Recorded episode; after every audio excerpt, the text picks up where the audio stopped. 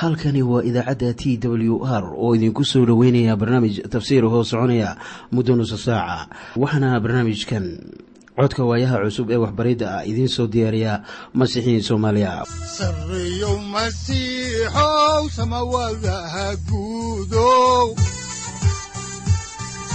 Siraadkii adduunkow subanaha eebow sareeyow masiixow samawadaha guudow siraadkii adduunkow subanaha eebow adigoo samaada jiro ifkan soo saldhiganba adigoo saamaada jiro ifkan soo saldhiganba kutubtiisanaaye wuxunogu saaciiday sharxin sifahaaga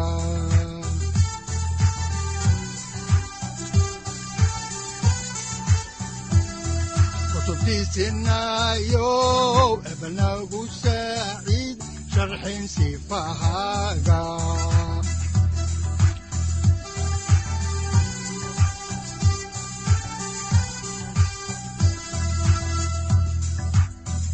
satirow ilaahow adanku su'aalne satirow ilaahow adanku su'aalne waxaannu caawayey horay u sii ambaqaadi doonnaa daraasaadkii la magac baxay baibalka dhammaantii.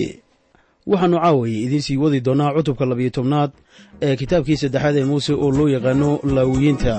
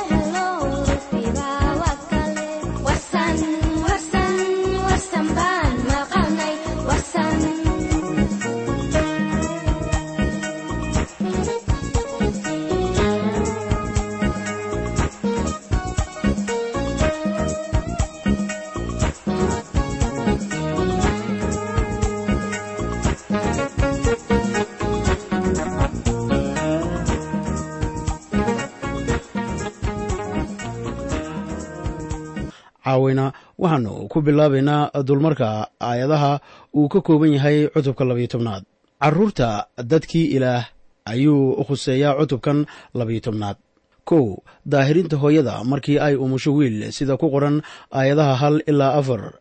Labo daahirinta hooyada markii ay dhasho gabadh sida ku qoran aayadda shanaad. Saddex daahirinta hooyada waxaa loo bixinayaa allabari kafaara guud ah sida ku qoran aayadaha lix ilaa siddeed haatanna aynu ku bilowno maaddada ugu horraysa ee ah daahirinta hooyada marka ay umusho dhallaan wiila. Haddaan markii ugu horreysay idiin akhrino kitaabka ayaa waxaannu eegaynaa cutubka labiyo tobnaad aayadaha hal ilaa laba waxaana qoran sida tan markaasaa rabbigu muuse la hadlay oo waxa uu ku yidhi reer binu israa'iil la hadal. Oo waxaad ku tidhaahdaa haddii naagu ilmo uuraysato oo ay wiil umisho markaas intii toddoba maalmooda waa in ay nijaas ahaataa. Oo waxa ay u nijaasoobaysaa sida ay nijaasta u ahayd maalmihii dhiiggeeda.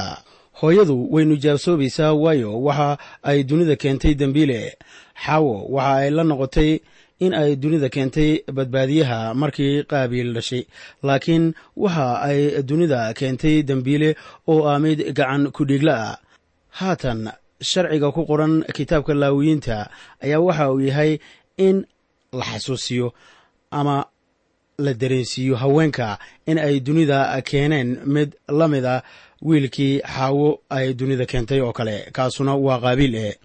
Waxaan gartay in kafaara ku saabsan daahirinta hooyada ay ka hor imanayso dareenka waadaxa ah ee hooyanimada iyo wiilka yar. Laakiin waxaan u baahannahay inaan adkayno in carruurta aynu dunida keenayno ay dembiilayaal yihiin.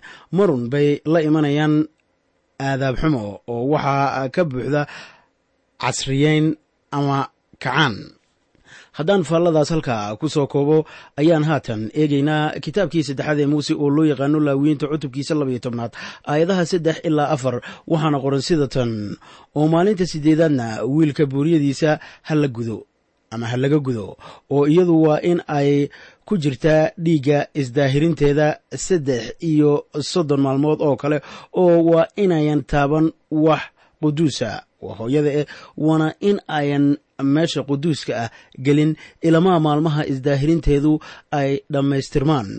Waxaannu idiin soo sheegnay in wakhtiga hooyadu ayan daahirka ahayn uu yahay laba qayb. Qaybi waa toddobada maalmood waxaana la gudayaa dhallaanka maalinta siddeedaad. Markaana dhallaanka dhasha lagu tirin maayo inuu sharciga ku hoos jiro ilaa la gudo. Nin waliba ee israa'iiliya marka hore waa wiilkii aadan oo waxa uu ku dhashay sharci la'aan. Dhalashada dabiiciga ah ayaan dadka siinaynin ama ayan ku helaynin xiriir ay la yeeshaan ilaah. Dhalashada caadiga ee qofka ayaa keenaysa in ilaah laga dhaqaaqo. Ilaah waxba kuma lihin oo wiilkiisana nimcadiisa awgeed buu u soo diray. Wakhtiga labaad waxa weeye saddex iyo soddonka maalmood ee kale oo hooyadu ayan daahir ahaanaynin. Marka laysku darana waa afartan maalmood. Sida aad la socotaanna soomaalida dhaqankaas way isticmaashaa waana dhaqan kitaabi ah oo bilowgiisi uu ka soo jeedo reer binu israa'iil. Tanu waxa ay xoojinaysaa xaqiiqada ah caadada gudniinka in ay macaani u leedahay daahirsanaanta waa qaynuun ilaah ku leeyahay axdigii hore. Markii carruurtu silcaan uun bay ii iman doonaan oo hana celinina haddaba gudniinka wiilasha ayaa waxa uu caddayn u noqonayaa in la goynayo. Qaar ka mid a dembigii hooyada uu kala soo baxay dhallaankaasu aqbalaadan waxa ay ka dhigan tahay in iyadana la aqbalayo. Waxaase la xusuusinayaa in dumarku weli dembiliyaal yihiin oo waxaa u haraya saddex iyo soddon maalmood oo kale marka wiilka la gudo subaxdaas. Markaa kadib ayay daahir noqonaysaa hooyadu haddaba aynu iminka eegno maadada ah nadiifinta hooyada markii gabar ay dhalato. Haddaan dib ugu noqonno kitaabka laawiyiinta cutubkiisa labiyo tobnaad ayaa waxaa ku qoran aayadda shanaad sida tan. Laakiinse hadday gabar dhasho markaas intii laba toddobaada waa inay nijaas ahaataa sidii markay xagga dhiigga nijaas ka tahay oo waa in ay ku sii jirtaa dhiigga isdaahirinteeda lix iyo lixdan maalmood oo kale wakhtiga nadiifinta markii gabare dhalato ayaa dheeraanaya.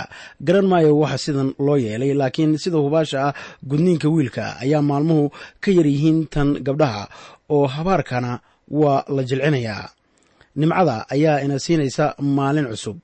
Waxaa ku qoran warqaddii rasuul boolos u qoray dadka galaatiya cutubka saddexaad aayadaha labaatan iyo toddoba ilaa sagaal iyo labaatan sida tan.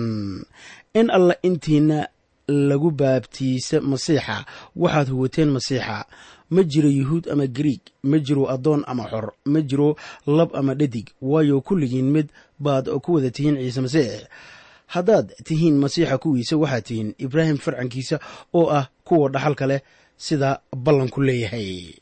Markaa ay sidaa tahay ayaan haatan dib ugu noqonayaa faalladaydii waxaanan eegaynaa maaddada ah daahirinta hooyada iyadoo loo bixinayo qurbaan kafaara guda haddaan dib ugu noqonno kitaabka saddexaad ee muuse oo la yidhaahdo laawiyiinta ayaan eegaynaa aayadaha lix ilaa siddeed oo ah.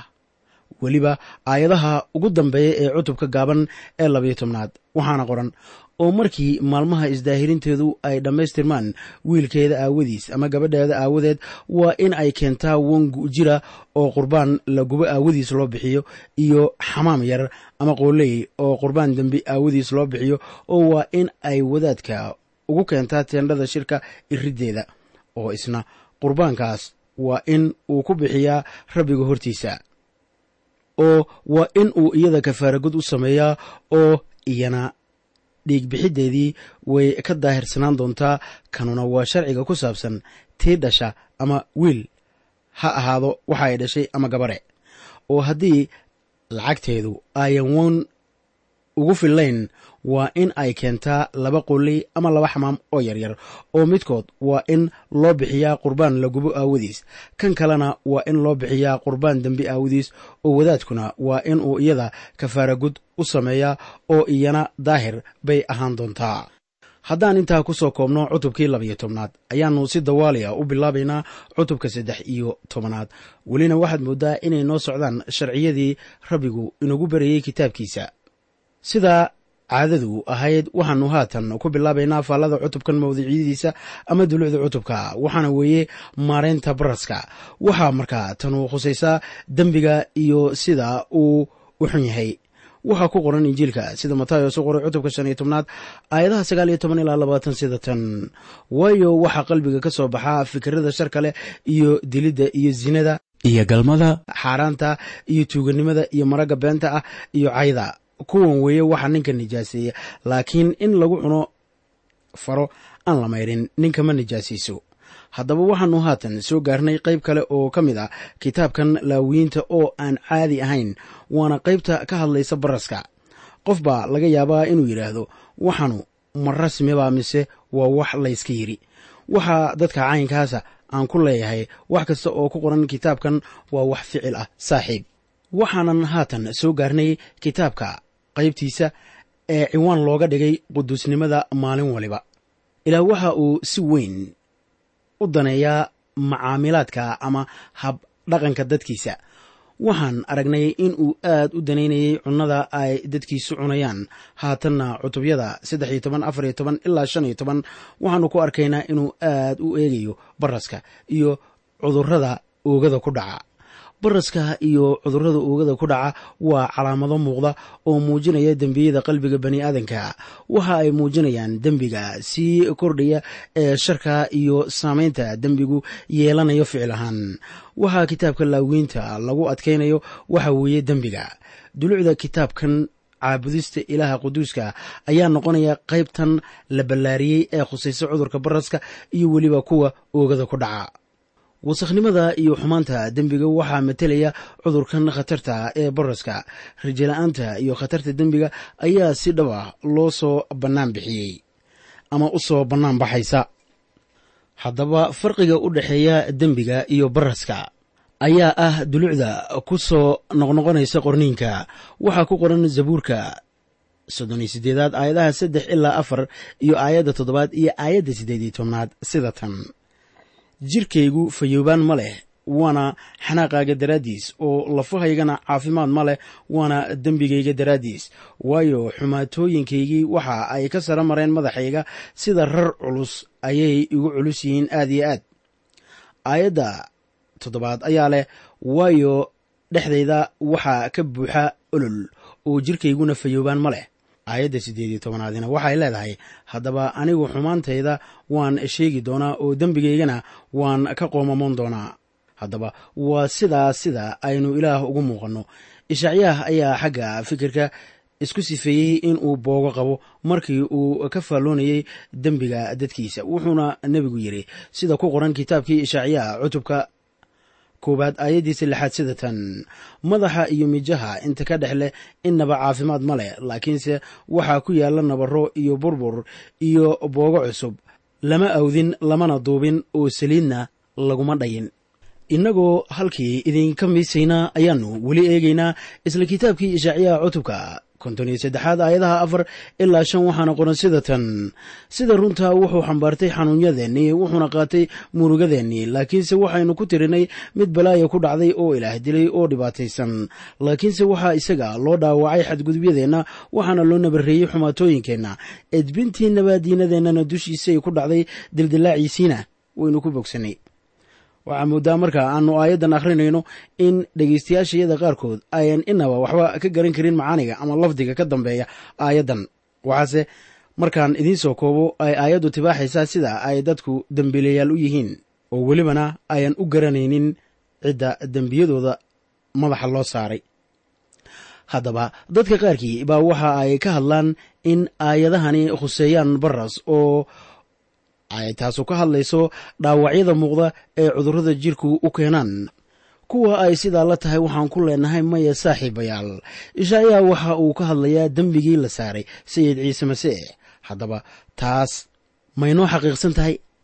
Haddaba haddaanay kuwa xaqiiqsanayn iyo hadday kuwa xaqiiqsan tahayba ayaan haatan eegaynaa warqaddii koowaad ee rasuul butros. Cutubka labaad aayadda afar iyo labaatanaad waxaana qoran sida tan oo isagu dembiyadeenna waxa uu ku qaaday jirkiisii geedka saarnaa si innaga oo dembi kala dhimannay aynu xaqnimo ugu noolaanno.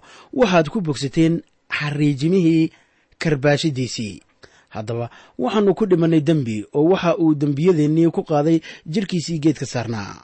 Oo dildilaaciisiina waynu ku bogsannay haatanse waxaa dhab ah in cudurrada jirku u yihiin bayaan caddaynaya dembiga. Jeermiska cudurrada ka dambeeyana waxaa sal u ah dembi. Haddaannu dembi jirin dhimasho iyo cudurba ma jireen. Markaana waxaa jira laba arrimood oo muhiima oo ay tahay inaan kala qaadno. Markaan bilaabayno cutubkan. Kow baibalku ma aqoonsana aragtida la wada aaminsan yahay ama laga qabo cudurka baraska ee ahaa inaan la daaweyn karin. Daahirinta ayaa waxaa lagu sheegay kitaabka laawiyiinta cutubka afariyo tobnaad aayadiisa labaad. Waxaa jira dawo rabbaani sida markii ilaah daweeyey naamaankii reer suuriya oo ahaa dhammihii ciidamadii reer suuriya. Waxaa qisadu ku qoran tahay boqorradii labaad cutubka shanaad. Mufasiriinta qaar waxa ay la tahay in ayuub qabay baras maadaama cilmiyan aan cudurrada loo caddayn karaynin baryahaas ayaa doodii ka taagan tahay waxa barasku ahaa.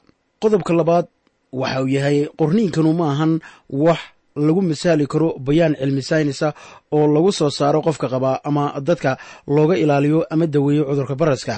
Haddaba ma jiraan wax isku daya oo la doonayo in lagu muujiyo cudurka. Garashada cudurkaas waa mid ficila oo innaga inoo ah maanta cashar rabbaaniya. Caadadaasu waa mid ay tahay in loo raaco sida ay tahay mase ahan mid dawo ama bogsiina waxaa haddaba jira dood badan oo ka dhex taagan dhakhaatiir masiixiyiin ah oo waxaa laga doodayaa in baraska aynu maanta naqaanaa yahay kii sharcigii muuse lagu sheegay. Waxaa jira waxyaabo badan oo horaan la qoray oo ku saabsan kuwo leh waa isla kii muuse qoray iyo kuwa diidanba markaan cutubkan aynu ku jirno waxa uu si baahsan kaga hadlayaa nadiifinta baraska ha yeeshee ka hadli maayo daweynta baraska qofka baraska qaba waxa keliya ee la daahirin karaa markii la daweeyo. Haatanna walaalayaal aynu u leexanno maadada ah dulmarka cutubkan saddex iyo tobnaad. Daahirinta baraska waxa uu ku qoran yahay cutubka saddex iyo tobnaad iyo cutubka afar iyo tobnaad. Kow garashada qofka baraska ku cusub yahay ayaa waxa ay ku qoran tahay aayadaha hal ilaa sideed ee cutubka saddex iyo tobnaad kitaabka laawiyiinta labo garashada qofka baraska ku raagay ayaa iyana ku qoran aayadaha sagaal ilaa toddoba-iyo toban. Saddex garashada ama kala saaridda baraska iyo boogaha ama gubniinka ayaa waxa ay ku qoran tahay aayadaha siddeed iyo toban ilaa siddeed iyo labaatan. Afar garashada baraska gala madaxa amase garhka ayaa waxa uu ku qoran yahay aayadaha sagaal iyo labaatan ilaa afar iyo afartan. Haatanna waxaynu eegaynaa maadada koowaad ee ah garashada qofka barasku ku cusub yahay haddaan markii ugu horreysay idin bilowno kitaabka laawiyiinta cutubka saddex iyo tobnaad ayaa waxaa ku qoran aayadaha hal ilaa labo sida tan. Markaasaa rabbigu la hadlay muuse iyo haaruuno waxa uu ku yidhi haddii qof jirkiisa lagu arko barar ama qolof ama bar dhalaalaysa oo ay jirkiisa ku noqoto cudurkii baraska markaas waa in loo keenaa wadaadka haaruuna amase wiilashiisa wadaadada ah midkood. Marka aynu eegno qalabka casriga ee cudurrada lagu baaro ayaa habkan ku qoran kitaabka laawiyiintu u muuqanayaa midaan horumarsanayn. Ha yeeshee nidaamka la isticmaalayay waa mid dhaqangal ahaa marka la eego aqoonta maalintaas jirtay. Wadaadada ayaa waxa ay wax ka qaban jireen kumanaan qaba cudurka baraska sida aniga ay ila tahay. Markaana waxa ay garanayaan waxa la eegayo. Laga yaabo intaasu ayan ahayn jaahilnimo sida dad badani maanta ay u malaynayaan. Sida hubaasha taasu waxay ahayd nidaamka ugu wanaagsan ee lagu garto qofka cudurka qaba. Waxaase haatan la adkaynayaa xeerka rabbaaniga ah halkii la raaci lahaa in jidhka la dhayo ama la dabiibo. Waa khasab in la raaco qaabka iyo nidaamka ilaah u soo dejiyey dabiibka kansarka. Waxaan aragnay in ilaah hoga tusaaleynayay calaamooyin lagu garanayo baraska oo markii calaamooyinka la arko qofka waxay ahayd in loo keeno wadaadka haaruuna amase wiilashiisa wadaadada ah. Haddaba saddex calaamadood ayay ahayd in ay muuqato ama la arko. Barar ama ka soo bax qolof ama buro yar amase nabar dhalaalaya oo jidhka ka soo baxa kuwaasuna waa calaamadaha lagu aqoonsado baraska laakiin qof kale calaamadahaas ayaan loo qaadan karaynin inuu baras qabo. Tallabada ugu horreysa waxa ay ahayd in qofka caynkaasa ee buka loo keeno haaruun ama mid ka mid ah wadaadada. Haddaan intaa uga baxno faalladii koowaad ayaannu haatan eegaynaa kitaabka laawiyiinta cutubka saddex iyo tobnaad aayadda saddexaad. Waxaana qoran sida tan oo wadaadku waa in uu fiiriyaa cudurka jidhka ku yaal oo haddii meesha cudurku qabo ama cudurka leh. Timaheedu ay caddaadeen oo cudurka muuqashadiisu ay dubka sare hoos u sii dhaafsiisan tahay. Markaas waa cudurkii baraska oo wadaadku waa in uu fiiriyaa oo yidhaahdaa ninkanu waa nijaasaysan yahay. Markaana sow arki maysaan inaanay jirin degdeg qofka lagu leeyahay cudurka wuu qabaa. Waxaase halkan aynu ku arkaynaa in marka hore laga baaro ama laga baaraandego calaamadaha cudurka wakhti dheer baa jirkooda la eegayaa dadka qaba cudurka. Haddii la arko in jidhka bararkiisa uu sii degayo qofka waa layska daynayaa. Haddii timaha jidhka meesha boogta ahi caddaato meeshaasu way dhimanaysaa. Waxay u muuqanaysaa in cudurkii maqaarka ka hoos maray. Dabeeto waxa uu qofka ku sheegayaa inuu nijaas yahay oo dadka laga dhex saaro inta laga daahirinayo haddaba ilaa waxa uu leeyahay dadka oo dhaniba waa dembiilayaal. Waxaynu nahay kuwo aan daahir ahayn. Soo waarki maysid isla sida dhakhtarka ayaa dhakhtarka weyn ina weydiisanayaa inaan afkeenna furno oo waxa uu eegayaa halka hoose ee dhuunteenna. Ah markaasuu inagu leeyahay carabka bannaanka u soo bixiya. Wuxuuna arkayaa in carabkeennu yahay mid khiyaano iyo been badan. Innaga oo dhan waxaynu nahay kuwo xagga ruuxa baras ka qaba. Ilaah qolo xagga jirka baras ka qaba geen maayo jannada waase in uu daweeyo ka hor intaanay halkaa tegin. Haddaba baraska waa qayb ka mida dembiga. Kow dembigu had iyo goorba wuu ka sii daraa oo kama soo raayo. Labo waa cudur aad iyo aad khatar u ah taasoo nin qoraa ah uu ka yidhi cudurrada oo dhan baraska ayaa ilaah u doortay inuu u taagnaado dembiga sare sida ilaah arkay. Saddex wax yar buu ka bilaabanayaa barar yar qolfo bar dhalaalaysa. Ugu dambayntana wuxuu qofka u keenayaa inuu gaarsiiyo heer dhimasho. Wixii markii hore yaraa ayaa noqonaya wax laga cabsado oo aad u xun. Baraska marka la eego meelo badan oo dunida ah ayaan iminka la arag wuxuuna ku egyahay meelo aan badnayn oo dunida guudkeeda ah. Afar cudurka baraska ma ahan inuu si tartiiba u fidayo oo keliya laakiin waa hubaal in uu weynaanayo. Wax yar buu ku bilaabanayaa oo dabeetana wuu sii ballaaranayaa oo waxa uu gaarayaa heer uu keeno masiibo. Waxaan mar kale soo qaadanayaa doctor thomson waxaana uu yidhi jirka ayuu cudurkanu heerba heer ugu faafayaa timuhu madaxa ayaa ay ka soo dhacayaan oo waxaa kaloo ay ka badiyaan ama ay ka tegayaan indhaha ciddiyuhuna way sii siibmayaan oo urayaan oo xubin xubin ayay faruhuna u siibmayaan. Ciridka ayaa sii yaraanaya. Ilkuhuna meesha ayaa ay ka baxayaan sanka indhaha carabka iyo dhegihiina way lumayaan. Ugu dambaystana miskiinkii baraska qabay wuu dhimanayaa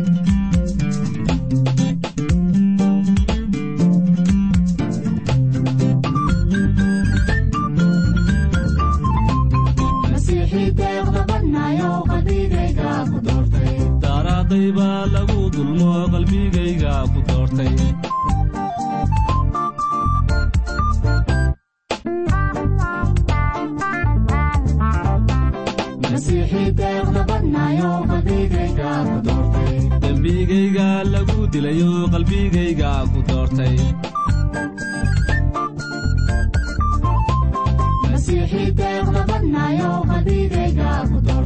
Jidkaadii baan ku diirsadayo qalbigayga ku doortay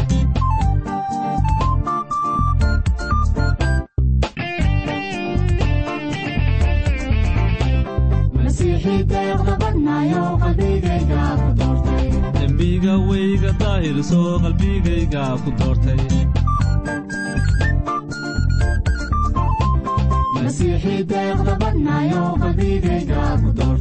Dhiiggaagii bay ku daahirso qalbigayga ku doortay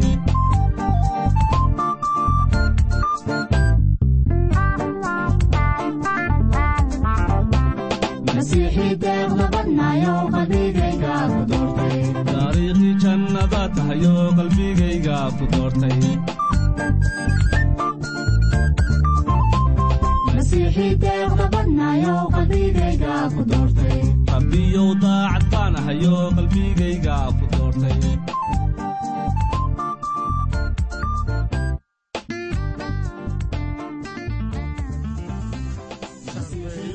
Masiixow samawadaha guudow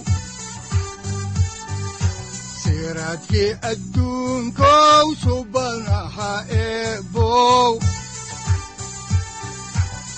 adigoo samada jiro ifkan soo saldhiganba adigoo samada jiro ifkan soo saldhiganba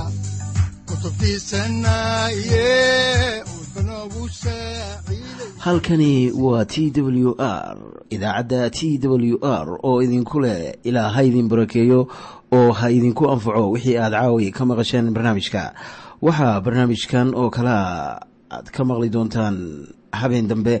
Hadahan oo kale haddiise aad doonaysaan in aad fikirkiina ka dhiibataan wixii aad caawi maqasheen ayaad nagala soo xiriiri kartaan som t w r at t w r c o k e haddii aad doonaysaan in aad dejiisataan oo kaydsataan barnaamijka ama aad mar kale dhegaysataan fadlan mar kale booqo www t w r o r g amase waxaad teleefoonkaaga ku kaydsataa ama ku download garaysataa agabyada ku sahli karaa dhegeysiga t w r haddii aad doonayso in laga kaalmeeyo dhinacyada fahamka kitaabka amase aad u baahan tahay duco fadlan fariimahaaga soo mari bogga aaraahda ama kommentska inana jawaab degdeg ah ayaanu ku soo diri doonaa amase ku siin doonaaye